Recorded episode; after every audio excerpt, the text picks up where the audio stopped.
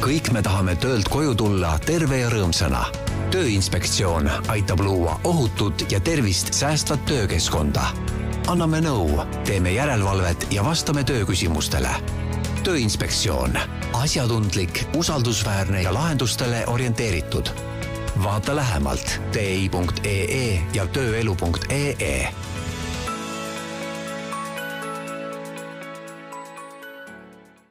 tööelu podcast räägib Eesti tööturu uudiseid. head kuulajad, hakkame kohe rääkima sellest, kuidas äh, inimesed peaksid tööd tegema. Äh, me hakkame rääkima sellest, äh, kuidas ütleme siis tööandja ja töövõtja peaksid leppima kokku selles, et töö oleks turvaline, tööl oleks mõnus, inimesed läheksid, nagu ka see kõll meil saate alguses ütles, et inimesed läheksid rõõmsalt töölt koju. Ja selleks on mul stuudios kaks inimest Tööinspektsioonist, peadirektor Meeli Miidla-Vanatalu ja töökeskkonna konsultant Piret Kaljula. Ma alustaks sellest, et üldse inimesed aru saaksid, mis asi on Tööinspektsioon see oligi küsimus, et mis on Tööinspektsioon ja millega ta tegeleb. me ju kõik oleme kuulnud seda sõna, me oleme, paljud võib-olla on nii-öelda pöördunud teie poole äh,, on kuulnud seda sõna uudiste või seda organisatsiooni nimi uudistest, aga mis see on, millega te tegelikult nagu tegelete, et äh, mis on need äh, nõu, mida te annate, ma ei tea, loote seadusi, an-, või noh, annate nii-öelda sisendit seaduste loomele, millega te tegelete?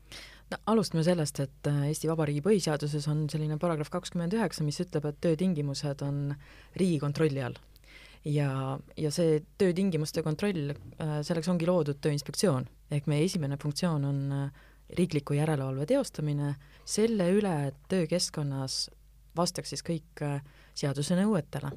aga kui me vaatame, millega me tegelikult igapäevaselt tegeleme, siis aastas üle viiekümne tuhande korra me nõustame inimesi ehk tegelikult me oleme nagu äh, igale inimesele, olgu ta siis tööandja, olgu ta ettevõtja, olgu ta töötaja või mõni muu töötegija, et me oleme tema jaoks, et anda talle head nõu, kuidas teha tööd ohutult, tervist säästvalt, kuidas sõlmida lepinguid, mis oleks seadustega kooskõlas, või kui on siis juba tööelus midagi kehvasti läinud, et kuidas see olukord ära lahendada.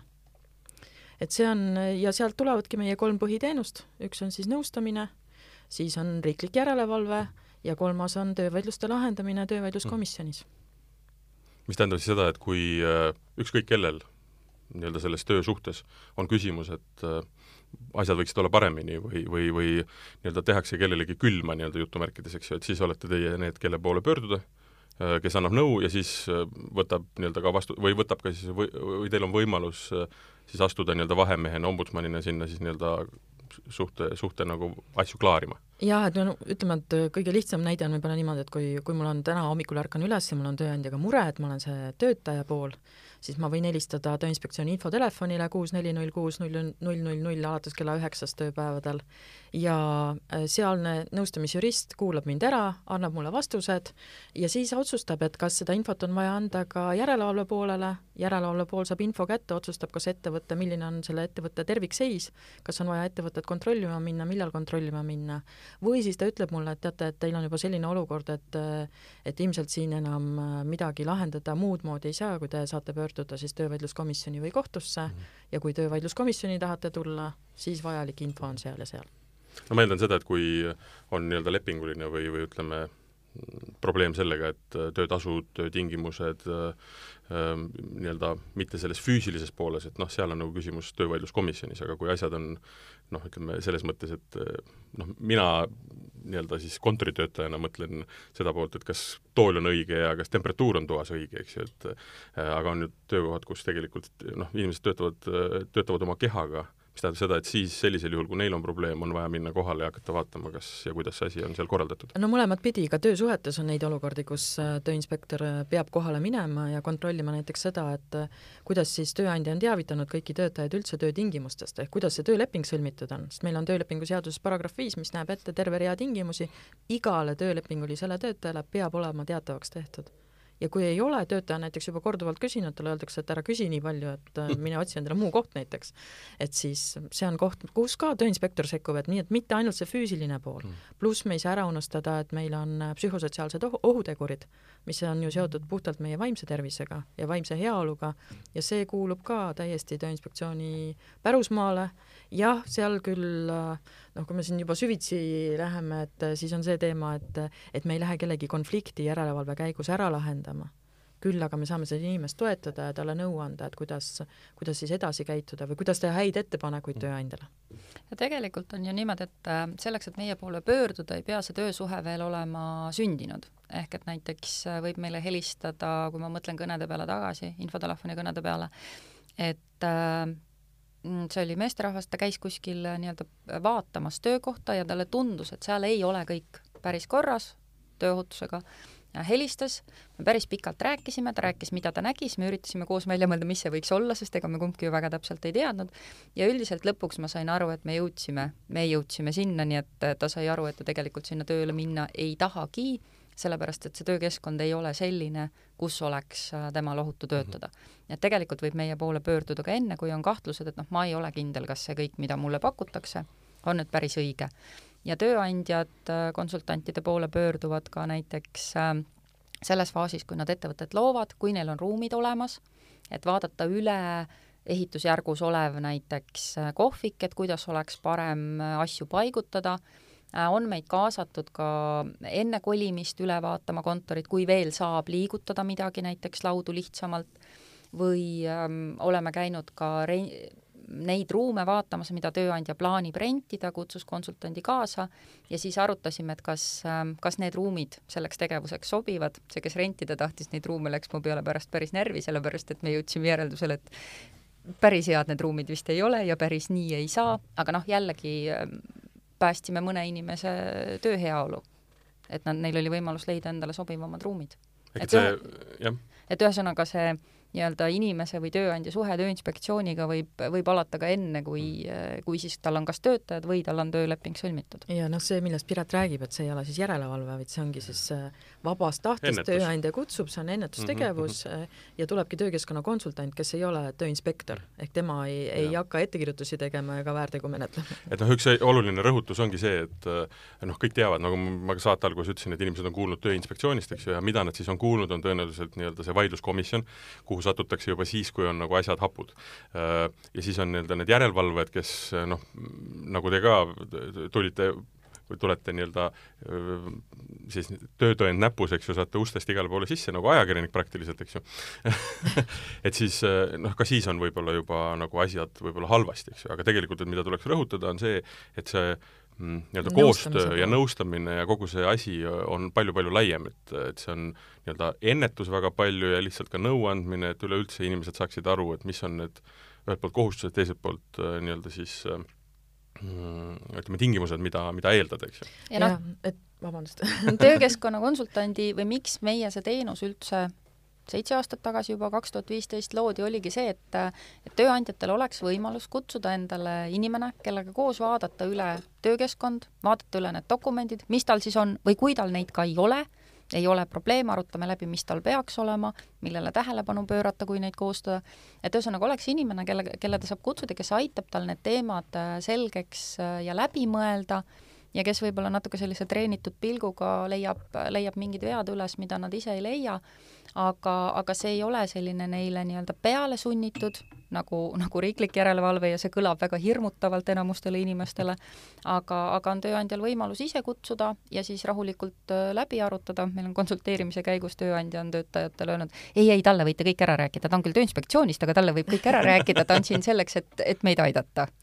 jaa, et see ühesõnaga, et ei, et ei ole sarvedega inimesed. ja just, just. kes tulevad ainult häda peale, vaid on ka ei, meie tööins-, tööinspektorid ka tegelikult teevad väga palju ennetustööd, et meie ikkagi kõik, ma arvan, kogu organisatsiooniga elame selles usus täna, et et läbi ennetuse äh, hoiad sa väga palju nii-öelda halba ära ja ennetus on palju tõhusam kui, kui järelevalve või tagajärgedega tegelemine. sest kui sa hakkad tagajärjega tegelema, siis see tähendab, et kellelgi on juba halvasti mm. -hmm. kas tal on juba siis äh, kahjulik tagajärg saabunud, on ta viga saanud, on ta, eks ole, kurvalt sealt töölt pidanud ära minema, aga meie kõigi soov on ju eelkõige see, et, et inimesed püsiksid selles töösuhtes, kõik läheks hästi. ja siin, kui enne, noh, me oleme hästi palju rääkinud juba nõustamisest, konsulteerimisest, kõrval maininud ka järelevalvet ja töövaidluskomisjoni, aga mida võib-olla kasutatakse vähe ja ilmselt ka teatakse vähe, on see, et tegelikult töösuhte kestel võib ka tulla töövaidluskomisjoni leppima ehk pooled mitte vaidlema, mitte see, et töövaidluskomisjon ütleks, et öelge nüüd ära, kummal rohkem õigus on mm -hmm. või kus on tõde ja õigus, vaid tullagi Äh, pöörduda küll töövaidluskomisjoni poole, aga näiteks me-, lepitusmenetlusse, no ütleme, et üks pool ütleb, et ma tegin ületunde, sa ei ole mulle hüvitist maksnud, teine pool ütleb, et ma ei tahagi sulle hüvitist maksta, sa teed siin halba tööd, on ju, neil on tegelikult ühisosa ja seal on potentsiaal, et see töösuhe võiks jätkuda, et nad ei pea juba nii-öelda laiali minema sellest ja, suhtest. seal on võimalik tulla siis töövaidluskomisjoni lepitusavaldusega, töövaidluskomisjoni juhatajal on lepitaja pädevus, lepitaja oskused, kuulab pooled ära, annab meil, neile nõu, mm. pakub nii-öelda selle lepituslahenduse, et see oleks, noh, seal on väga suur potentsiaal, et hoida neid äh, töösuhte osapooli ja hoida neid sellisel viisil, et nad leiaks oma sisemise rahu ja ka õigusrahu. Ja see on hästi-hästi oluline point, äh, sest et väga-väga palju on selliseid, noh, mul endagi nii-öelda tööelus olnud ju olukordi, kus ma olen lihtsalt löönud käega mingisuguste probleemide võib-olla lahendamisel, sellepärast et noh, nad on täpselt niisugused äh, mingil juhul ei ole see nagu töösuhte lõpetamine, aga see tähendab seda, et äh, minul on tehtud liiga. aga kuna ma ei oska nagu kellegi poole pöörduda, siis ma lööngi käega ja tegelen oma tööga lihtsalt edasi, eks ju.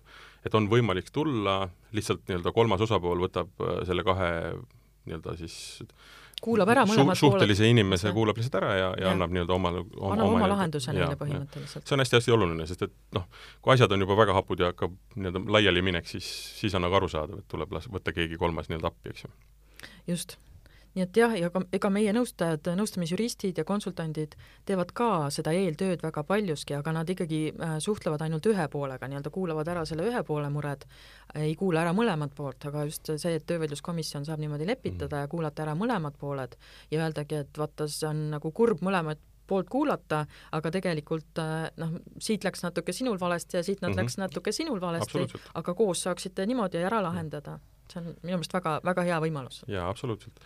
aga mis on need äh, põhilised mured, millega pöördutakse ja kuidas äkki ja-, lahe, jaguneb see, et kas pöörduvad pigem nii-öelda tööandjad rohkem või töövõtjad rohkem? ma arvan, et pooleks äkki. Nõus, oleks... nõustamises ma julgen ka väita, et pooleks, et mm., et kui me vaatame e-kirju ja, ja infotelefoni kõnesid, et siis okay. nii tööandjad kui töötajad, me oleme nagu ise ka väga õnnelikud olnud. ma oleks arvanud et... täpselt, et äh, mi-, mitte väga palju, aga siiski, et ütleme, suurem osa, ütleme kaks kolmandikku oleks olnud äh, töövõtjad. Äh, kui me räägime näiteks töövaidluskomisjoni pöördumistest, siis seal on küll, seal on küll see protsent et, et kaheksakümmend protsenti pöördujatest on töötajad aga kakskümmend protsenti on, on tööandjad, kes siis nõuavad näiteks kahju hüvitamist töötaja käest. aga infotelefonile ja, ja e-kirjaga konsulteerimisse mm. pöörduvad tõesti mõlemad pooled mis on selles mõttes hea, et, et tegelikult äh, mõlemad pooled on aru saanud, et nad ei pea kõike, nad ei pea kõike ise teadma ja nad ei pea kõike suutma oma peas ise välja mõelda, vaid neil on, neil on võimalus äh, küsida, et äh, töötajad kohati helistavad ka mm, võib-olla isegi mitte sellepärast, et vihjet teha või, või noh, et Tööinspektsioon saaks siis sellesse olukorda sekkuda, et need on hästi sellised äh, kohati kurvad lood, et, äh, et noh, sa saad teisel pool telefoni aru, et see töökeskkond, kus inimene töötab, et see ei ole selline, kus inimene peaks tänasel päeval töötama, ja, ja noh, üritad siis elu eest selle vihje nii-öelda sealt kätte saada, et kes see tööandja on, et me saaks nagu midagi, midagi teha, aga, aga seda vihjet ei tule ja kohati tundub, et inimese jaoks on oluline see, et äh, ta saab justkui selle kinnituse, et see, kus ta töötab, mhm. et see ei ole tänasel päeval, tänasel päeval ei peaks sellistes tingimustes inimene ja niimoodi tööd mhm. tegema, et noh, ma ei tea, kohati jääb mulje, et see annab talle jõudu siis nendes tingimustes tööd edasi teha, et, et see on hästi kurb, et tegelikult kui ta, kui ta ka meile ütleks, mhm me saaks äh, sekkuda sellesse.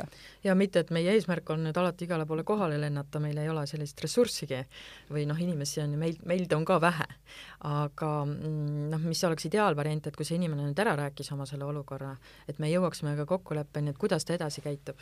et mis ta, mis saab tema enda poolt ära teha, et see olukord läheks paremaks, milliseid ettepanekuid ta saaks teha ja et tal oleks julgust ka nende ettepanekutega minna oma kolleegide juurde, minna oma tööandja juurde mm et eh, seda tahaks nagu kõige rohkem, aga, aga noh, seal alati ei tule nii-öelda seda julgust et me ei kuule vastu seda julgust. ja seal noh, kohati on, on selles loos juba taga ka see, et ma olen pöördunud, ma olen kirjutanud, ma olen nagu noh, jääbki mulje, et see inimene vähemalt oma sõnade järgi on teinud selle ära, mida tema täna teha saab, ja noh, ta ikkagi tegelikult jookseb peaga vastu seina, et noh, see on puhas psühholoogia muidugi ka. ega Jaa. inimene ei taha nagu, tegelikult me, me, me, meis ei ole, vähemalt eestlastes kindlasti ei ole seda nii-öelda äh, no kuidas ma ütlen, tagarääkimise või, või, või, või pealekaebamise pealekaebamise nagu soovi, et meil on see nagu väga halva märgiga mm. -hmm. mis, mis tegelikult ei pruugi ju olla seda, et ma kaeban. aga ja iseenesest see, et on juba, see, et pöördutakse, on tegelikult ju hea. jah, ja kohati on aru saada, et, ähm, et neil inimestel noh, ongi raske pöörduda ja, ja selleks, et ta pöördub, ta on ikkagi juba nagu väga palju, noh, ta on kuidagi mingi viimase piiri nagu Ta saavutanud ja juba., ja, ja, ja siis ta, siis ta nagu pöördub ja kohati on ka äh, inimesed, kes äh, pöörduvad näiteks siis, kui ta on ise äh, selle kohaga juba nii-öelda lõpu teinud, ta on kas avalduse esitanud või lahkunud, ja siis ta helistab äh, ja ta helistab sellepärast, et mina läksin sealt ära, aga äh, teised jäid sinna. Ja ma tean, et need teised ei julge midagi öelda, mina olen tänaseks lahkunud, mina julgen ja ma ei taha, et nad peavad Jaa. nendes tingimustes aastaid ja aastaid veel edasi töötama. No samas me peame siin ka noh, mõtlema ka nendele lugudele, kus see ongi nagu kurb, et see inimene pidi ära minema, teised on seal, aga nüüd, kui, kui me võtamegi ütleme, selle ettevõtte järelevalvesse ja tööinspektor läheb kohale, ütleme, et ta silmaga ei näe, et, et mingeid puudusi, kui ta näeb silmaga, siis on lihtne, siis ta saab sekkuda ja, ja reageerida. aga kui seal on sellised probleemid, millest siis inspektorile ka ükski töötaja ei räägi, et me püüame alati noh, taktikaliselt rääkida inimestega nii, et tööandja esindajad ei oleks juures, et me saaks adekvaatse info võib-olla ka väljaspool seda töökeskkonda rääkida, et me saaks päris pildi, aga kui nüüd keegi nendest allesjääjatest ikkagi ei räägi tööinspektorile mm, -hmm. Siis võib olla ka väga raske seda olukorda muuta. noh, võib-olla heaks näiteks on siin sellised tööajaga seotud probleemid, et inimene noh, räägibki meile ära, et teate, me tegelikult teeme kogu aeg tohutult palju ületunde, et tööandja on teinud teie jaoks nagu ühe tööaja graafiku, seal on ilusad kaheksad kirjas, aga tegelikult me töötame kogu aeg kaheteist ja viieteisttunniste vahetustega, noh, sest et ku- kuidas, me oleme noh, taktikaliselt proovinud ka seda, et me siis lähemegi erinevatel aegadel sinna ette teatamata kontrollima, mõnikord saad kätte, teinekord ei saa kätte, siis noh, tekibki selline jõuetuse tunne ka, et et ma tahaks väga aidata, aga mulle, ma ei saa aidata, kui sa iseennast aidata Mm. ei taha. ma arvan, et te ei ütle mulle seda, aga kas teil on ka salaagendid, kes lähevad tööle. Nendesse väga, väga sügavalt probleemsetesse ettevõtetesse, et saada äh, aru, et ongi viieteisttunnised Misteri filmivad. ja niisugust misteri- undercover meil Mystery shopping ut me nagu Ja, ja. eh, teha ei tohi, et meil täna sellist võimalust ei ole ja et et me oleme seda kaalunud. see oleks väga põnev ja annaks väga suurepäraseid tulemusi. Ressursimahukas, ma saan aru, aga jah, infiltreerumine ja kõik see võtab aega, eks ju ja, ja aga no küsimus on jällegi, et eesmärgis, et me ju tegelikult noh, inimestena või ühiskonnas ka ju tahaksime, et ega meil ei oleks vaja seda kolmandat karvast kätt, kes sinna vahele Jah. tuleb, et meil peab olema nagu julgus või meil peaks Eestis olema selline töökeskkond, kus mul on täitsa normaalne see, et ma lähen ütlen tööandjale, et kuule, aga täna ongi jama majas, et lahendame ära selle, et näed, mina pakun, et ma saaks, saaks niimoodi teha, on ju, mis, mis sinupoolsed pakkumised on. et see oleks selline normaalselt toimiv ettevõte, ma arvan, et selliseid on ka väga palju, et me näeme neid vähemalt, et aga kuidas see ajas nüüd muutunud on, selles mõttes, et noh, on ähm, ühelt poolt, et kas on tulnud selliseid pöördumisi rohkem, on inimesed julgemaks läinud, või teiselt poolt äh, on nii-öelda töökeskkond paremaks läinud, et äh, kumbki osapool tegelikult äh, ei peagi nii palju pöörduma kuidas see on, noh ma võtan näiteks paralleeliks, ütleme, äh, psühholoogilised probleemid Eesti ühiskonnas. Tundub, et tõus on meeletu numbrites, aga tõus on sellepärast meeletu, et me räägime sellest. inimesed julgevad sellega tulla nii-öelda avalikkuse ette, et tegelikult ega probleemid on kogu aeg olnud. et kas, kuidas, kuidas nagu äh, teie poolt vaade on, et kas julgetakse rohkem rääkida või teisipidi on nii-öelda langenud need äh, nii-öelda juhtumid, kuna tegelikult asjad ongi paremad? siin on väga palju erinevaid tegureid, mis seda mõjutavad. teadlikkus on kindlasti, näiteks mm. noh, me alati naerame, et me ju noh, eesmärk oleks näiteks tööõnnetuste arvu vähemaks saada. aga kui sa lähed kuskile ettevõttesse, kus siiani ei registreeritud tööõnnetusi, tõstad seal seda teadlikkust, siis tuleb sul, eks ole, kohe järgmisel päeval võib-olla kümme teadet sealt äh, tööõnnetuste kohta, sest ettevõte teab, et ta on jälgimise all ja töötajad teavad ka, kuhu nad saavad pöörduda, kui neid ei registreerita. et see on nagu üks pool asjast. Need on kindlasti, oleneb ka väga sellest, millisest piirkonnast me räägime, kas seal piirkonnas on äh, palju tööandjaid või seal on tegelikult ainult üks tööandja, ehk see inimese valik, tal polegi võib-olla kuhugi minna. ta ei hakka oma elu niimoodi kui ümber korraldama, et, et ta sealt ära läheks. nii et siin on nagu palju tegureid, muidugi kui me vaatame nagu oma sellist äh, tööstaaž üle kahekümne aasta, nagu me oleme selles valdkonnas tegutsenud, et kindlasti on ikkagi palju paremaks läinud, inimesed on julgemad, küsivad julgemalt, aga samas, kuhu me veel nagu jõudnud ei ole, on, et, et inimesed äh, õpiksid ka ise omalt poolt panustama, et tuleksid lahendused. Mm. et täna on hästi palju jätkuvalt seda ootust, et teie tulge ja tehke. Teie tulge ja tehke ja siis tööandja küsib, et noh, et sa näed, et tööandja on nagu püüdnud ka kõike endast olenevat teinud, et ta on töökeskkonna riskid ära hinnanud, ta on rahulolu-uuringuid läbi viinud ja nii edasi ja talle ei vaata sealt vastu seda pilti, mis meile on kirjeldatud. nüüd on siis küsimus, et aga kelle huvi see siis on, et need asjad korda saaks?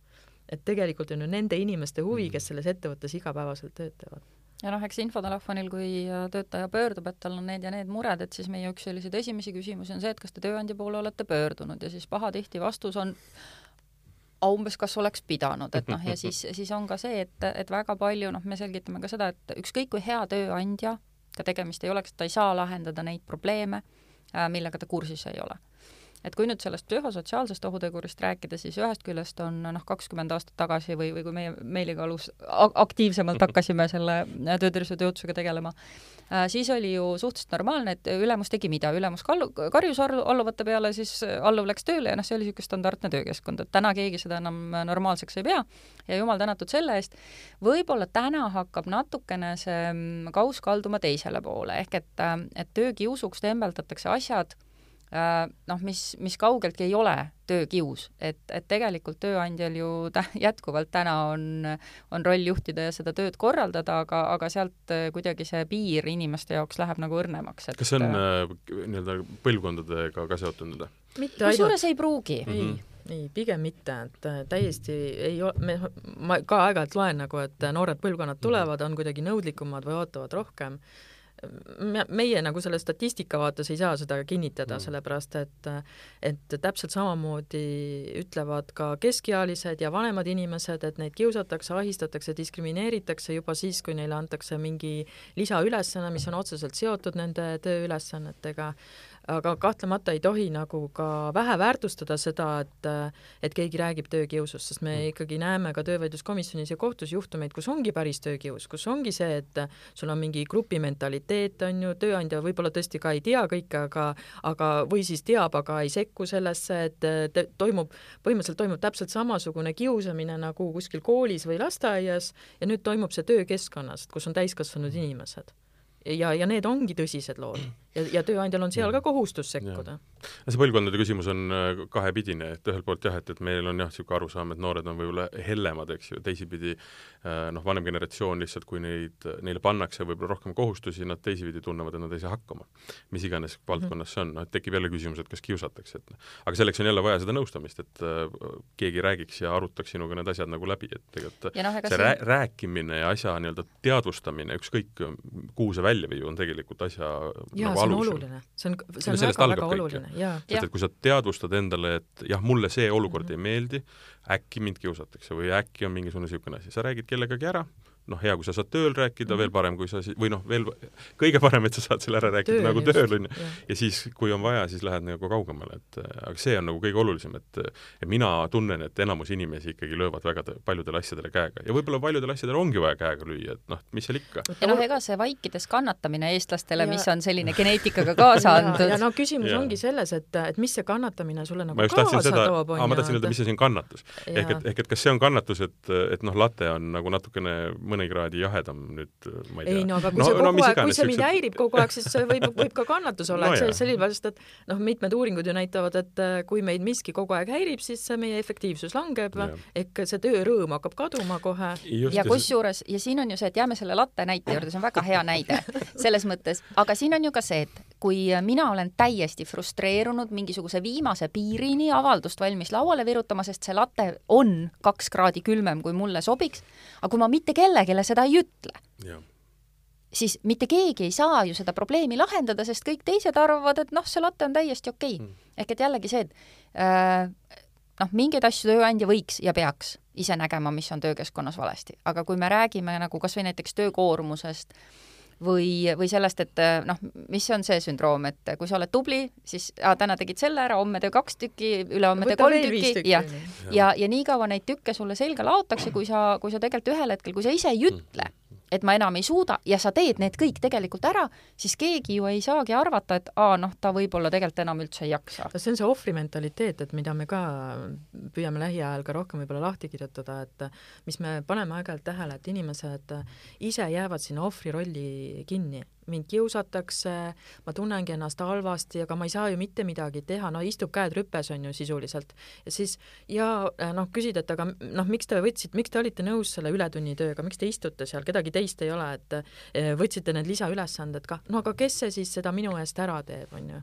Aga kes see juhib sinu elu, et, et kuidas, jah, kahtlemata on neid olukordi, kus inimene eh, noh, tal on juba ka muud probleemid, et ta ei suudagi sellest olukorrast iseseisvalt välja tulla, aga see tähendab seda, et ikkagi ta peaks kellegagi rääkima, seal oleks vaja sellist tööpsühholoogi tuge, seal oleks vaja nõustaja tuge, coach'i tuge, et aga ikka suu tuleb endal lahti teha, midagi ei jää üle tekivad ökosüsteemid. see on see pull, et, et sinu ükskõik töökollektiiv või siis suurem ettevõte on see, kus sa igapäevaselt käid, eks ju. ja see hakkab tunduma sulle terve maailmana. aga tegelikult see ju nii ei ole. mis tähendab seda, et sa hakkad tundma, et need asjad, mis seal toimuvad, ongi normaalne või ebanormaalne. aga keegi ei astu seda sammu tagasi ja vaadata, et see on kõigest töö et no mis see päris maailm siis on, et kui mulle tehakse liiga, no come on, milleks ma seda, milleks ma seda vastu võtan, eks ju. või, või see lisatöö, seesama hea näide, et, et kes siis ära teeb mis see sinu asi on? sina teed täpselt nii palju, kui sul on ette nähtud mm, -hmm. kas raha, aja või, või mis iganes nii-öelda vääringu vastu mm -hmm. ja, ja ülejäänud ei ole sinu mure, see on nii-öelda sinu ülemuse või nende ülemuste mure, eks ju. aga see, kui minna nagu veel rebu tasandile, see e eelmine point, et, et see raev või, või selline pettumus on, on nagu tegelikult ju kõige alus. see kaks kraadi late, noh, tegelikult see ei ole ju probleem, aga kellelegi on mm. -hmm. ükskõik, mingi järgmine asi, mul ei ole parkla, parklas kohta või ratast ei saa panna või, või mis iganes. Äh, keegi sekretär iga päev, kui ma tulen, ütleb mulle mingi asja mm, -hmm. mulle see ei meeldi. noh, tegelikult ei ole ju, laias skaalas ei ole see ju probleem, aga see inimene istub nurgas ja on kogu aeg nii-öelda näost punane, eks ju. ja tal võib tema ja ta jaoks, jaa, ja tema jaoks võib see olla, eks ole, tõesti see viimane, viimane piisk karikasse, on ju aga kui ta ei räägi või mhm. kui ka, no üks asi on see, et ma ise räägin, teine asi on see, mhm. kuidas mu kolleegid hakkavad mulle vastu peegelduma. ehk äh, kas see on see, et mul äh, võetakse ümbert kinni öeldakse, et kuule, et tegelikult on kõik hästi, on ju, me saame hakkama sellest, et vaata, et late on täna külm küll, aga äkki vaatame, et kas sa saad soojendada seda kuskil või, või noh, et teeme midagi. või ta ütleb, et issand, kui kurb ja tead, siin on teistel ka kogu aeg, kõik on nii pahasti, teistel on ka nii halvasti. ja siis see muserduspall, see hakkab nagu niimoodi kasvama ja see inimene hakkabki uskuma, et noh, et järjest halvem on. et noh, et ka see, kuidas ja. me nagu reageerime oma kolleegidele, üks, loomulikult me ju hoolime inimestest enda ümber. ta-, noh, tavaline on see, et me normaalsete inimestena hoolime inimestest. kui ma näen, et kellelgi on midagi pahasti, see on loomulik reaktsioon, et ma küsin, et kuule, et aga kuidas on, eks ole, kas ma saan midagi nagu ära teha? see, see on kõige olulisem. aga et ma ei hakkaks nagu juurde kasvatama, et no Piret, late oli külm, aga kas sa seda panid tähele? nutame park, koos park, parkimiskohast jäid ka ilma, onju. teistel ka siin, nii et kuidas sa nagu hakkad tundma ennast selle peale? aga jah, et kui sa sellest ei räägi kellelegi, eriti veel sellele, kellel on võimalus see lahendus leida, näiteks inimene, kes läheb äh, nii-öelda kohvimasina juurde, vajutab kahte nuppu ja see on õige temperatuur, mis sealt välja tuleb, ehk et siis ei hakka ju mitte midagi ka juhtuma. aga äh, üks on veel hästi põnev äh, nagu küsimus, et ähm, et mis muredega peaasjalikult pöördutakse tehakse äh, ja, ja, ja, ja kas seal on mingi väga selge nagu selles mõttes niisugune äh, nihe ka mm,, kuidas ma ütlen siis nii-öelda si, sini- ja valgekraede vahel või siis nii-öelda kontoritöötajate ja võib-olla siis äh, füüsiliselt äh, töötajate tegi-, tegi-, töötegijate vahel ähm,. Ja miks ma seda küsin, on see, et noh, meil on pilt noh, näiteks ütleme startup idest, et noh, pingpongilauad ja lesilad ja kõik asjad, noh, see kõik on nagu väga põnev ja äge, eks ju, aga see ei pruugi tähendada mitte midagi. et, et, et kas on mingisugused konkreetsed sellised äh, noh, ütleme, numbrid võimalik välja tuua või ütleme, suhted ja, ja mil-, mis on need, millega pöördutakse? no võib-olla alustame sellest, et meil on nagu mingid paralleelmaailmad, ehk meil on äh, neid töökeskkondi äh,, kus me oleksime nagu selles nõukogude ajas tagasi, et äh, nagu sama kaheksakümnendate aastate lõpp kestaks ikka veel. et ka selliseid tootmisi me täna kahjuks veel näeme Eestis ja siis on, eks ole, see startup'ide maailm, kus kõik on jube hästi, aga tegelikult inimesed on vaimselt väga väsinud ja õnnetud ja nad ei julge koju minna, sellepärast et kõik teised on ju seal meeskonnas edasi, teevad öösel ka, eks ole, tööd ja meil on siin jõle äge, et sa juba nagu sellest ägedast olekust oled juba frustreeritud. et need on nagu täiesti skaala nagu kaks erinevat otsa. ja sealt tulevad ka need erinevad küsimused ja noh, see, et äh, ütleme, need, kellel ongi väga äge ja, ja, ja ongi pinksilaud ja neil tegelikult on äge, siis nemad ju meieni selles mõttes ei jõua, nemad jõuavad meieni siis, kui nad tahavad hea töökeskkonna auhinda saada. et, äh, et nagu selles väga, väga positiivses otsas. aga, aga noh, hästi kurb on ma ei tea, see oli eile või üleeile, metallitööstusest meesterahvas helistab, meil on kuus kraadi. tööandja keeldub kütmast, sest nii kallis on, et noh, et mis, mis nagu, ütlesin, kas te olete tööandjaga rääkinud ja, ja tööandja ütles, et äh, nii on et noh, me oleme aastas kaks tuhat kakskümmend kaks, peaaegu kaks tuhat kakskümmend kolm ja me jätkuvalt räägime inimestega, kellel on kuus kraadi töö juures või kes mm. peab tõstma noorem meesterahvas, et no meil on, meil on, mulle tundub, et mul on raske töö, et no ma ütlesin, noh, et kui te, kui palju te seda raskust tõstate, no ma ei tea, mingi viis tonni päevas, ma ütlesin, et vist on natuke nagu palju, et ja siis tema küsimus oli see, et aga kas me saaksime tervist kahjustava töö eest oleks õigus saada nagu mingit lisapuhkepäeva, siis ma ütlesin talle ka, et kuulge, et me oleme täna ikkagi selles olukorras, kus töökeskkond peab olema selline, et see teie tervist ei kahjusta, me ei räägi mingisugused, me ei räägi sellest, et sa saad lisapuhkepäeva ja siis ülejäänud mm. neli päeva tööandja võib siis sind tööga ära tappa, et siis ta sai ise ka aru, et aa jaa, tegelikult vist ikka peaks nagu niimoodi olema, et tema oli, temaga me jõudsime, nagu Meeli enne rääkis, et jõuda tegevuskavani, et äh, kuidas ta välja arvutab oma selle äh, raskuste käsitsi teisaldamise siis riskide hinde, saab seda ise täiesti vabalt inimene teha, ja, ja kuidas ta siis ja mida ta, mida ta tööandjaga äh, räägib, aga noh, kohati jälle see, et mõtled selle peale, et me täna räägime sellest, et noh, me ei ela enam ja see inimeste teadlikkus just, et noh, et, et kahjuks me siiamaani kuuleme, kuigi need ajad on nagu nii ammu kaugele jäänud, et et kas ka klaas piima teeb, teeb mu elu õnnelikumaks või kompenseerib selle halva töökeskkonna või sooduspension, et tegelikult ju ei kompenseeri, et ma ei jõu, pruugi jõudagi selle sooduspensionini, kui, kui see ka oleks, et ei no pensioni loogika on ju üleüldse natukene veider, selles mõttes, et pensioni mõte sellises vanuses, kuhu ta pandud on, on see, et inimesed olid lihtsalt täiesti katki töötatud et nad öeldigi, nüüd vanaisa istu ja ta istus sellepärast, et ta nägi välja nagu tänane kaheksakümmend viis ja tal olid liigesed ja kõik asjad aga läbi. täna meie hoopis tahame ei, no, ju muud asja. no täpselt.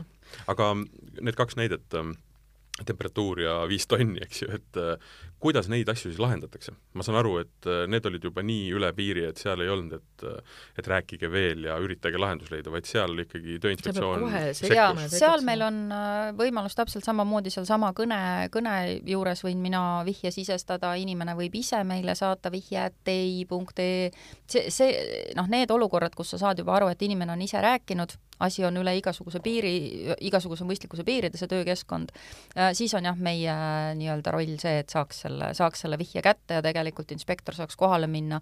üks on see, et saaks siis välja selgitada, mis seal tegelikult nagu toimub, sest noh, suvise kuumaga oli kohati see, et tuli vihje, kõik tundus väga õudne inspektor läks kohale ja tegelikult see asi ei olnud nii õudne, selles mõttes, et pigem oli kommunikatsiooniprobleem, võib-olla kõikide inimesteni need meetmed, mis tööandja oli kasutusele võtnud, et teeme pause, joome mineraalvett ja kõike seda, see paraku ei olnud kõikide inimesteni jõudnud, noh, peale inspektori külaskäiku siis äh, õnneks enamasti mm. jõudis jaa, ja ka siis, kui oli küsimus, et noh, et kuidas see osakaal on, et ega me, me niimoodi ilmselt välja tuua, et see täitsa oleneb päevast, et kui mm, -hmm. kes ja kuidas meile nagu helistab või või kuidas ta, mis need mured on ja kas valge- ja sinikraede mured on erinevad eh, Nad kindlasti osaliselt on erinevad, aga osaliselt on ka väga ühesugused, ehk mis puudutab tööaega, mhm. töökoormust, mhm. seda, et, et mulle nagu hakkab tunduma ühel hetkel, et mu töökoormus on liiga suur, siis see on kindlasti kõigil mm. inimestel ühesugune, see taju lihtsalt ühel hetkel tekib, et ta, ta on selline.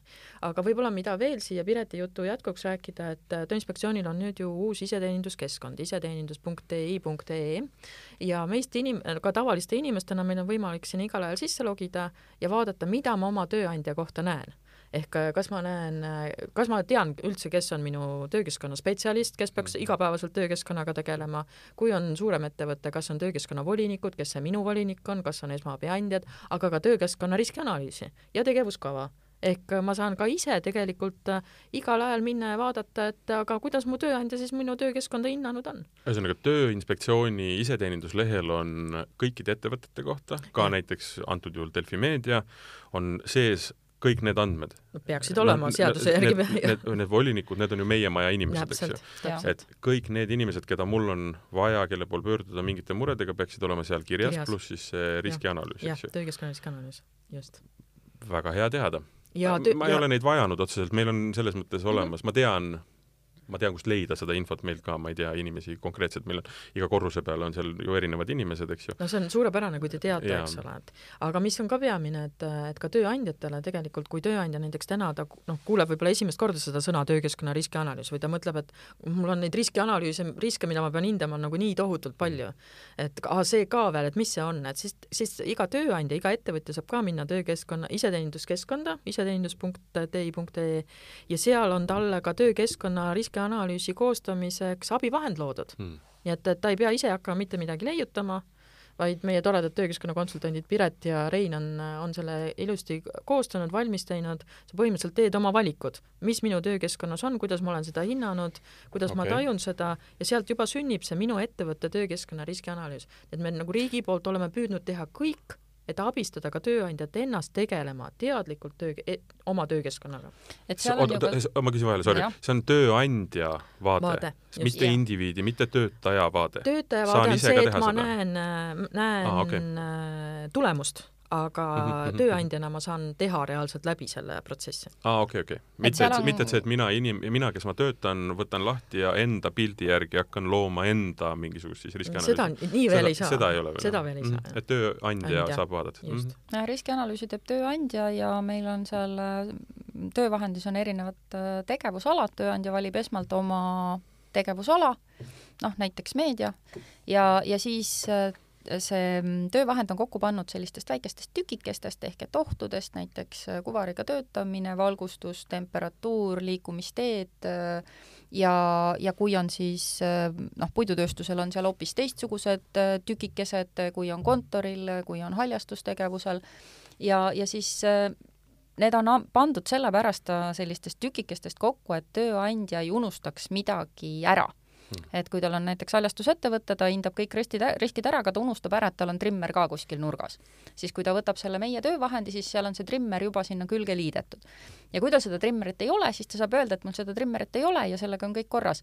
aga, aga me üritame jah, vähendada siis või selle töövahendiga seda nii-öelda sellise mm, inimliku eksimise ja inimliku unustamise hmm. sellist äh, faktorit ja, ja kui tal on siis mingeid teisi asju, noh, ma ei tea, Delfi meedial näiteks on trimmer, millega ta maja ümber niidab ja tavapäraselt meediaettevõtetel seda ei ole, siis tegelikult ta saab selle trimmeri tükikese mm., see tööandja sealt endale ise, ise juurde valida, siis tal peab küll endal meeles olema, et tal see trimmer on aga mm, me elame sellises põnevas äh, ja ütleme, üsna groteskses ajas, et äh, me tulime väl-, läbi ühest pandeemiast, noh, niivõrd-kuivõrd ta ikkagi kestab, aga me oleme, ütleme, siin harjunud ja ka vaktsineeritud. Äh, meie lähistel, selles mõttes Euroopas käib sõda, mis on ka lükanud väga palju erinevaid niisuguseid liikumisi käima, et kuidas on need kaks nagu olukorda muutnud äh, nii teie tööd kui ka ütleme, ma ei tea siis, kas seda probleemide nägemist, äh, on ta toonud juurde uusi probleeme, noh arvestades seda, et meil on tulnud nüüd siin viimasel ajal üsna palju nii-öelda võõrtöötajaid, äh, on, on need kaks nii-öelda episoodi kuidagi no, väga eriliselt siia, mõjutanud? lisaks siia ka kolmanda, ehk ikkagi meil on ka energiakriis täna kolmas, absoluutselt, ja, jah. ja kõik need kriisid mõjutavad meie tööd otseselt, noh, kahtlemata kõige suurema, no võib öelda, et paugu meile andis ikkagi Covidi algus kaks tuhat kakskümmend märtsis, kus meie infotelefon ühtäkki oli sõna otseses mõttes punane ehk ehk see kõnede arv sajakordistus ühe päevaga. Ja no tänaseks on see olukord vähemalt stabiliseerunud, aga kõik see, mis toimub tööturul, mis toimub majanduses, mis toimub ühiskonnas, see koheselt omab otsest mõju ka meie tegevusele, omab mõju sellele, mida hakatakse meilt küsima, mida tööandjad vajavad. kui me täna räägime, et, et ettevõtetel on ka raske ka sellesama energiakriisi tõttu ja ka nende varasemate kriiside tõttu on, on raske hakkama saada turul, siis on selge, et meid küsitakse väga palju koondamiste kohta, küsitakse selle kohta, et mis saab siis, kui tuleb pankrot, mis saab siis, kui tuleb likvideerimine läbi viia, äh, mis saab siis, kas äh, töötasu saab äh, vähendada ja nii edasi. et kui rääkida võõrtööjõust, siis või üldse Ukraina sõjast, noh alates veebruari lõpust sellel aastal kahtlemata, see oli väga suur teema, meile tulid tööturule ootamatult palju uusi inimesi, tööandjatel on vajadus neid tööle võtta, siis tekkis küsimus, et mis on need õiguslikud alused, millega tuleb arvestada, täna me teame, et kui inimesel on sõjapõgeniku staatus, ta põhimõtteliselt on meie igapäevase tööturul osalejaga, Eesti inimestega võrdne, tal on samad õigused, kohustused, võimalused, aga kindlasti see risk, et, et neid ütleme, et väiksema sotsiaalse tagatisega inimesi tööturul ära kasutatakse, ka tööelus, on paraku suur seda näitab, näitab nii meie varasem kogemus, näitab teiste riikide kogemus. Ja eks me täna ka kuuleme neid küsimusi päris palju, ehk äh, läksin tööle, tööaeg on väga pikk äh,, aga ma ikkagi tahan väga seal töötada, mis ma siis tegema pean või tööandjad, eks ole, küsivad, et on tööl, nüüd ütleb, et tahab Ukrainasse tagasi minna äh,, kas ma võin temaga tähtajalise töölepingu sõlmida, vastus on, et ei tohi, see ei ole õiguslik alus. et tähtajaline töösuhe on ikkagi ainult eh, kas hooajatööde tegemiseks, kellegi asendamiseks, projektitööde tegemiseks, aga mitte, mitte muudel juhtudel see, et inimene ise, eks ole, on noh, ta juba eos loomulikult täiesti mõistetav, et inimene tahab ühel hetkel koju tagasi minna, ei ole alus tähtajalise töölepingu äh, tegemiseks, muidu me ju mm -hmm. Eestis teiste töötajatega ei teeks seda. nii et kindlasti kõik need asjad mõjutavad ka meid ja me oleme äh, kogu selle aasta tegelikult ka jätkanud endal nii-öelda sellist lisafookuse hoidmist.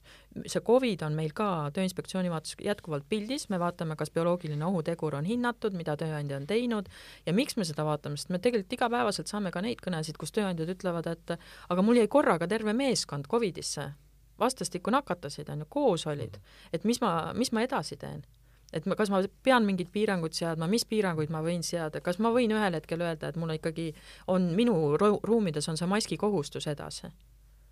Ukraina teemat täpselt sama lugu, me äh, nädalast nädalasse, päevast päeva käime kontrollimas ka just nimelt äh, välismaise tööjõu töötingimusi, sellesama nii-öelda ka, ka hirmu pinnalt, et äkki keegi arvab, et, et mingil põhjusel, kuna need inimesed on haavatavamas seisus, et, et neile võibki tagada väikese või neile võibki maksta vähem töötasu kui sama tööd tegevale Eesti inimesele. või et neile ei peaks tagama näiteks puhkeruumi või, või et neile ei pea tagama puhkeaega, sest ta ju nagunii, mis tal muud siin teha on, tulgu tehku tööd, on ju et meil nagu ühelt poolt tundub, et kas tõesti, et noh, et aasta kaks tuhat kakskümmend kaks, et et kas tõesti siis me oleme sellises seisus, et meil esineb selliseid juhtumeid, kahjuks vastus on jah mm, -hmm. mitte massiliselt, aga neid kahjuks esineb no ma arvan, neid esineb ka veel arenenutes ühiskondades, et alati on kindlasti. keegi, kes tahab nii-öelda seitse nahka koorida, eks ju. aga see algabki sellest, et inimesed ise on palju teadlikumad, oskavad nii-öelda enda eest seista. et see on, sealt algab tegelikult nagu kõik pihta, eks ju aga mm, me oleme rääkinud äh, väga palju sellest, et äh, et mis on probleemid, eks ju, ja mis on need, millega pöördutakse ja, ja ja, ja, ja, ja et võiks pöörduda rohkem ja võiks nii-öelda suu lahti teha, eks ju. aga kui me läheme nüüd teisele poolele ja ma küsin niimoodi, et äh, mis on hea töökeskkond, milline ta peaks olema? ehk et noh, see sõltub hästi palju valdkonnast loomulikult, et aga et kuidas seda nagu hinnata, et ütleme, ma ei tea, võib-olla mõni näide lihtsalt äh, nimesid nimetamata, et astute sisse uksest ja vaatate, et vot, selline peaks üks koht olema, kus inimesel on hea töötada. või noh, et, et mis, mis, mille järgi seda nagu hinnata. ja ma mõtlen nüüd, et okei okay,, me rääkisime sellest, et teie nii-öelda seal iseteeninduses on võimalik võtta ja teha see selline analüüs, seda teeb tööandja, aga noh, mina nüüd töötajana, et äh, meid kuulavad väga paljud inimesed, eks ju, kes enamus tõenäoliselt on, on töö, töövõtjad, et mille järgi ma siis peaksin vaatama, et kas minul on hea töökeskkond. mida see nagu tähendab?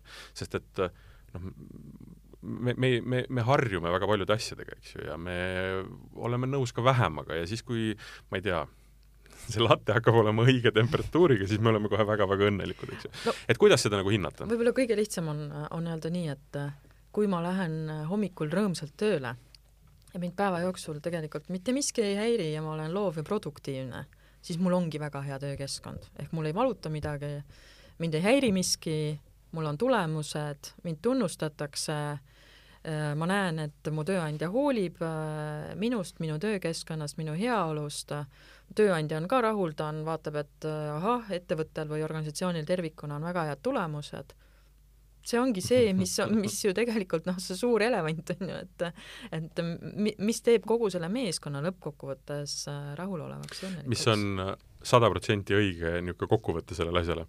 Delfi meedias töötab kolmsada inimest. see tähendab seda, et see on üks pusle, kus mitte ükski inimene ei ole ju täpselt samasugune, ei olegi võimalik.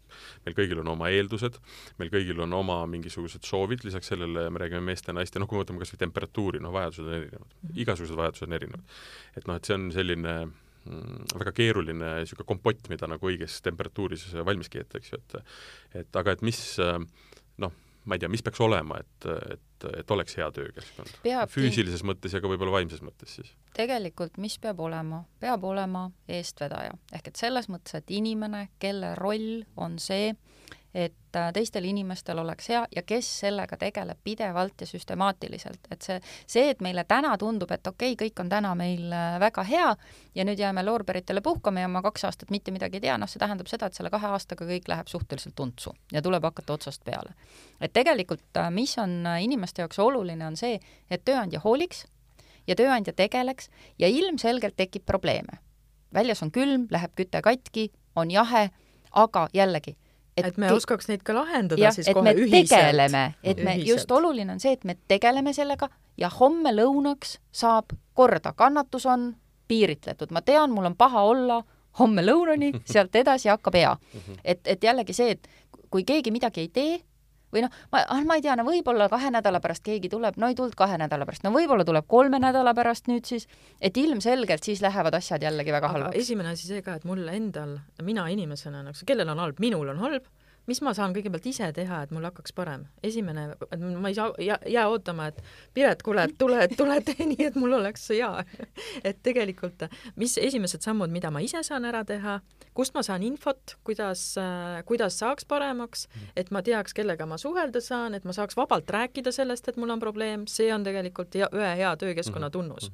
et me, millest me alustasime ka, nii et mul üldse oleks võimalus rääkida, et mul on paha. Mhm. sest kui me oleme nagu sellises töökeskkonnas, kus äh, äh, vaikimine on kuld, on ju, et sest sa kunagi ei tea, mis mm -hmm. nagu edasi hakkab juhtuma. et, äh, et siis see kindlasti ei ole hea töökeskkond. aga nüüd füüsilist maailma siia kõrvale tuues, ma eeldan, et see niisugune hea, noh, väga heas mõttes trafaretne vastus on see, et mul kui ükskõik kus valdkonnas ma töötan, mul peavad olema tänapäevased äh, nii-öelda siis selles, selle, jah, just täpselt, et selle, tänapäevased selle töö tegemiseks mõeldud professionaalsed töövahendid ja mul on õigus küsida neid äh, ilma selleta, et see oleks nii-öelda me-, mitte meelehea, aga et, et mulle tehakse nagu teene või erisus, mhm. eks ju. Need asjad noh, peavad olema. loomulikult äh, töövahend peab selleks tööks sobima, ehm, kohati meil kasutatakse väga vanasid, eelmise riigikorra ajast pärit äh, näiteks treipinke, mis on tehtud korda vastavatele, vastavad tänapäevastele nõuetele ja, ja kõik tunnevad ennast selles mõttes väga hästi, et ka vanade töövahenditega, kui neid korralikult hooldada, neid hoida toimivana, on võimalik hästi tööd teha need uued võivad ka olla sellised, et ta on pidevalt katki, tal on pidevalt midagi viga, ma ei saa mingeid kaitsekatteid kasutada, noh siis ilmselgelt see ei sobi.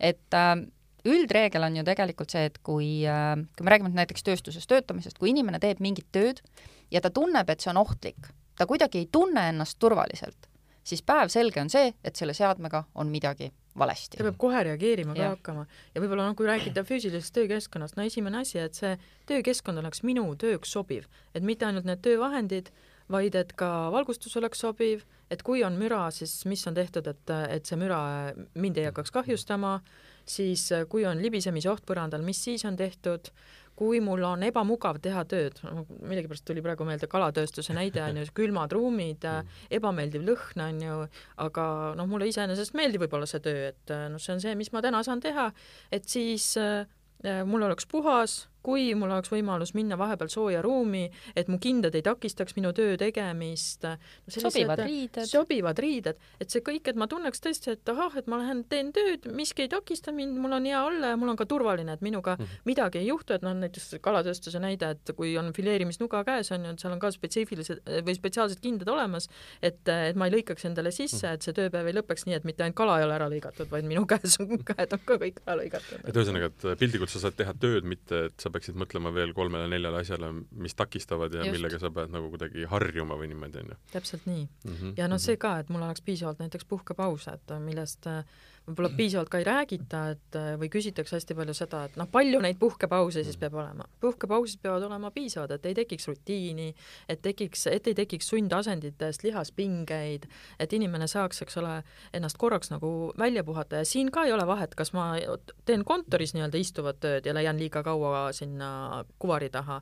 Või ma olengi seal äh, tööstuses, teen, eks ole, korduvliigutusi, igal juhul mul on vaja puhkepause, see on täiesti inimlik, loomulik, me ei ole keegi robotid ja see, see töökeskkond peab ühesõnaga toetama minu tervise säilimist mm. -hmm. sest kõik see, kõik need nõuded, millest ka meie Tööinspektsioonis räägime, nad on ju loodud, need on miinimumnõuded, mida seadused ja määrused räägivad.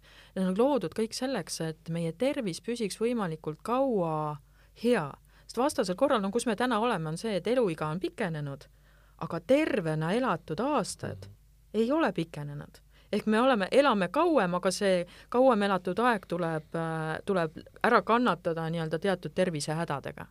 ja täna tahaks, eks see hea töökeskkonnaga me tahame jõuda selleni, et, et ka see vanu iga, see, see teine pool meie elust kulgeks võimalikult väheste terviseprobleemidega. mingid asjad tulevad kindlasti geneetikast tulenevalt äh, mingitest pahedest tulenevalt, kõik see, mis meid on elu jooksul ja. mõjutanud, aga et see ei tuleks meie tööst või et me ei kaotaks elu oma töö tõttu. no see on üks hästi oluline asi ja teine, ma mõtlen nagu iseennast, et äh, küsimus on nagu ka töö tegemise niisuguses nagu viisis või, või noh, loomulikult ka ajas ähm,, noh, mina isiklikult, ma olen nelikümmend, ma võin rääkida praegu asjadest, millest ma kahekümne aasta pärast räägin hoopis teistmoodi, aga oma töö äh, nii-öelda vaates ma ei näe seda pensionile mineku nagu, nagu mõttekust. võluvõnd. Äh, töö kindlasti muutub, äh, professionaalsus tõuseb, teed vähem, teed teistmoodi, kõik see aru, aga, aga noh, ma ei kujuta ette, et ma peaksin nüüd minema ja istuma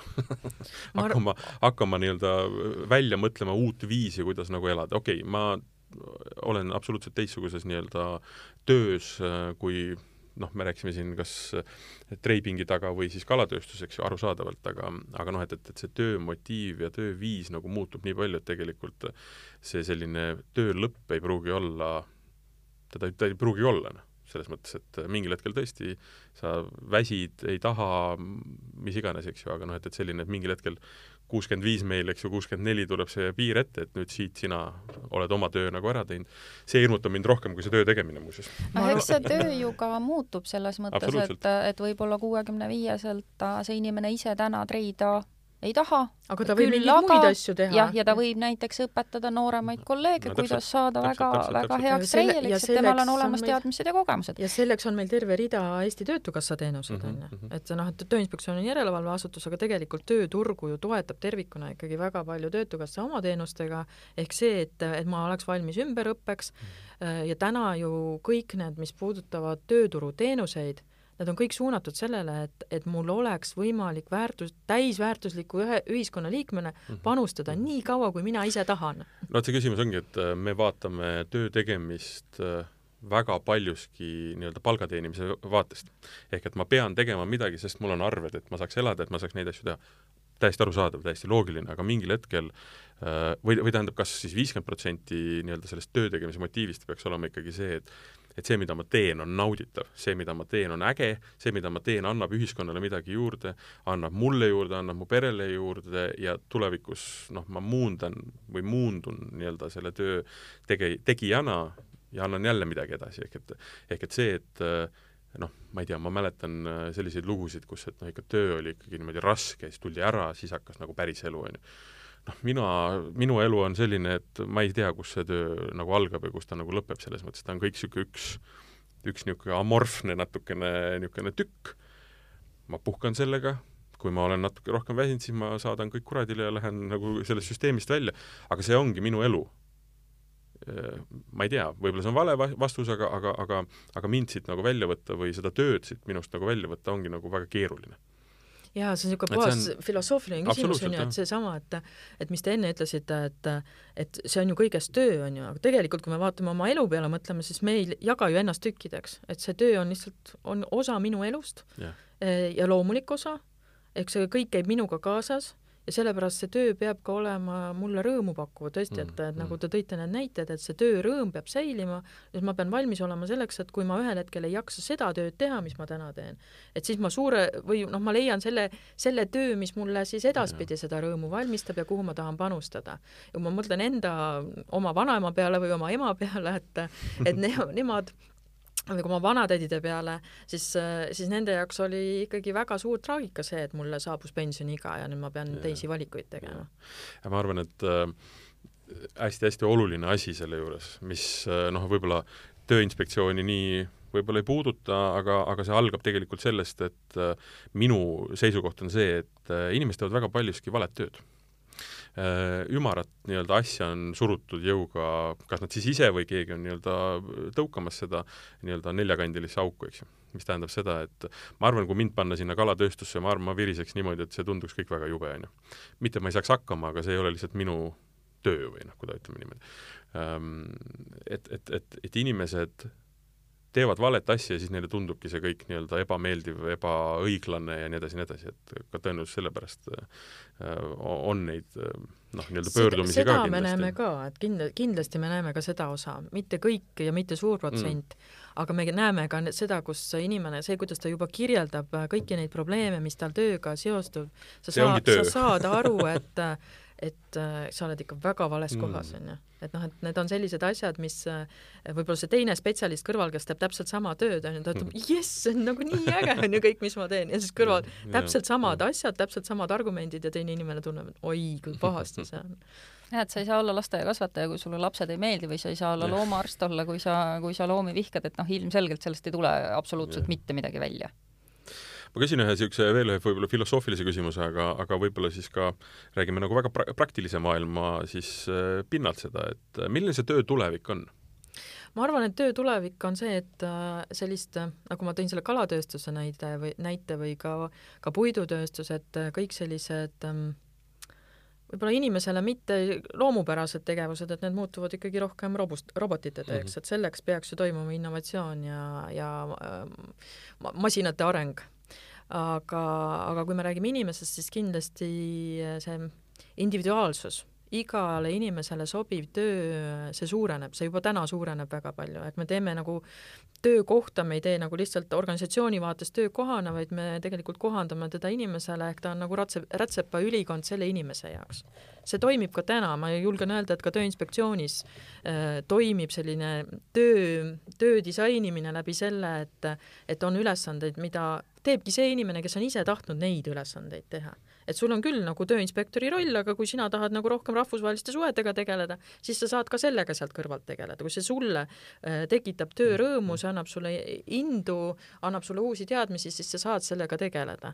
ja see, ja ka väga, väga paljud tööandjad täna tegelevad sellega ja lähtuvadki sellest, et kui, kuidas seda töörõõmu luua, ongi luua rätsepa ülikond sellele inimesele, äh, kes seda tööd tahab teha just jäin Meelit, äh, kuulasin Meelit ja jäin mõtlema, et mina läksin puidutööstusesse tööle üle-eelmisel sajandil esimest korda. ja kui ma mõtlen nüüd selle peale, mis oli puidu, puidutööstuses töötamine tollel ajal, noh, see oli nii raske, et äh, ma nagu tänase päeva teadmistega ma ilmselt äh,, ma ei tea, kukuks pikali koos nende sorteerimisliini inimestega seal, ma ütleks neile, et nüüd me kukume kõik koos pikali, sest see töö on lihtsalt liiga raske äh,. minnes täna puidutööstusesse, noh, seal on hoopis teine maailm äh,, inimesed äh, juhivad kahe joystickiga kogu, kogu, kogu saeveski tööd näiteks, et äh, loomulikult need riskid on muutunud, sest ta on väga tugevalt kuvariga töötaja, kui nad eelnevalt tegid väga rasket füüsilist tööd. Et, et see töö on, või noh, võtame loomakasvatuse täna, sa võid ilmselt sellistes uuemates lautades kontsakingaga ühest lauda otsast teise kõndida, ilma et sinuga midagi juhtuks, noh, vanasti ilmselgelt see ei tulnud absoluutselt kõne allagi. Mm. Et, et ka seal see töö on, on ju teatud mõttes muutunud inimeste jaoks kergemaks, see töö on väga palju muutunud, sa pead olema juba poole kohaga automaatik, poole kohaga instrumendiinsener, et sa suuksid, suudaksid seda lüpsirobotit hallata näiteks. et, et aga see füüsiline mm, füüsiline koormus on äh, osades kohtades siis kindlasti paraku mitte veel kõikides äh, äh, läinud kergemaks ja ja tegelikult täna sa saad, kui sa tahad, kui sulle meeldib saeveskis töötada, kui sulle meeldib puidulõhn, sulle meeldivad need hääled, sa saad seal töötada, aga sa ei pea ennast kümne aastaga töötama nii-öelda täiesti vigaseks, sest et sa töötad külmas ja teed ülirasket füüsilist tööd ja mis veel kindlasti muutub, et mi-, mis on täna juba suured trendid, on see, et inimesed teevad äh, mitut asja korraga. ehk neil Jah. on, eks see mitte lihtsalt töö ampsutamine mm Mhm. -hmm. noh, millest me räägime, et nii-öelda lisatöö tegemine, vaid see, et inimesel ongi mitmeid oskusi, kõik need oskused äh, või nende oskuste realiseerimine pakub talle rõõmu ja ta ongi võib-olla ühes kohas, ühel päeval käib kontoritööd tegemas, teisel päeval käib, eks ole, sõbral restoranis abiks klienditeenindajaks ja kolmandal päeval ongi pingioperaator kuskil, et äh, ja kui see talle pakub naudingut, kui ta see, et see on vaheldusrikas, see tema elu on vaheldusrikas Mhm. selle kaudu, miks mitte, ehk milleks ka tööandjad ilmselt peavad järjest enam valmis olema, on see osaline tööaeg ja see, et kui sul on osaline tööaeg, siis sa pead, sul peab rohkem inimesi olema, aga sa pead ka rohkem nendega tegelema. ja noh, muidugi piiri tuleb jällegi siin pidada, et kui ma teen neid erinevaid tükikesi, siis tegelikult äh, töötaja ise peab suutma seda piiri pidada, et ta lõpuks ei avastaks, et ta töötab kakskümmend tundi ööpäevas ja noh, ilmselgelt see ei ole mitte mingiski vaates jätkusuutlik. see kindlasti ei ole. noh, see ütleme, mitmel töökohal olemine, see, selle alus peab olema see, et sulle meeldib see mitte see, et ma pean seda Jah. tegema, sest mul on arved maksta mm. -hmm. Ma olen siin väga paljude tööandjatega rääkinud äh, selles samas saates, siis jah, üks asi, mis on võib-olla niisugune universaalne, mida ka, kui me räägime sellest, et mismoodi nagu töö muutub või, või mis on nagu tulevikuplaanid, et siis see äh, horisontaalne liikumine on tõesti nagu kõik räägivad sellest.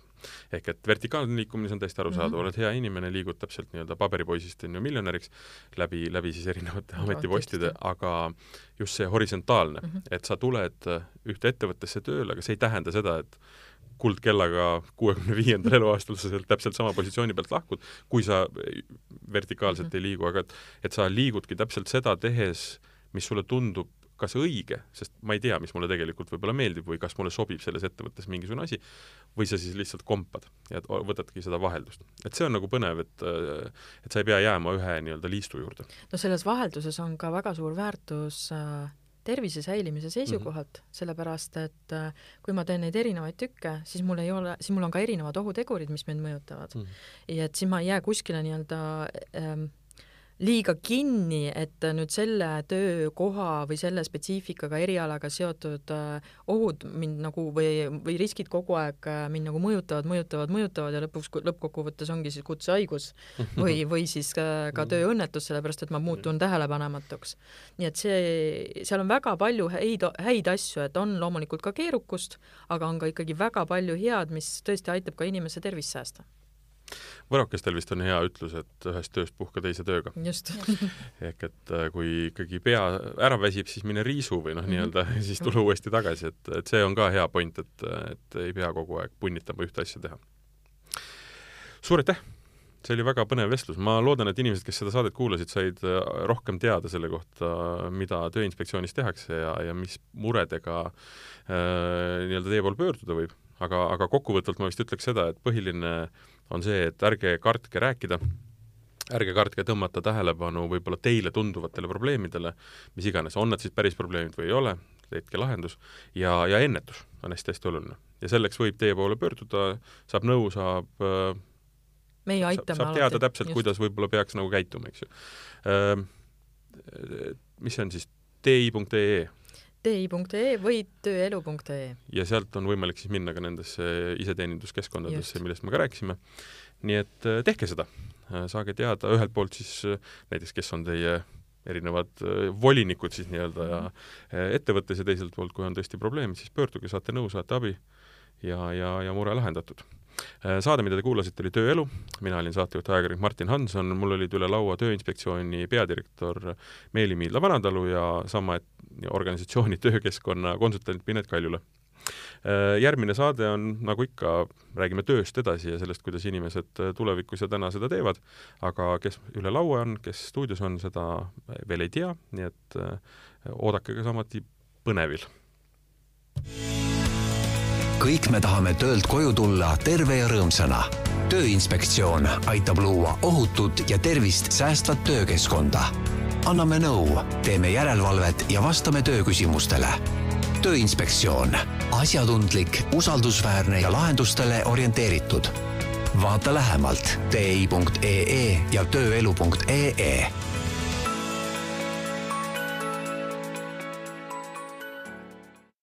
tööelu podcast räägib Eesti tööturu uudiseid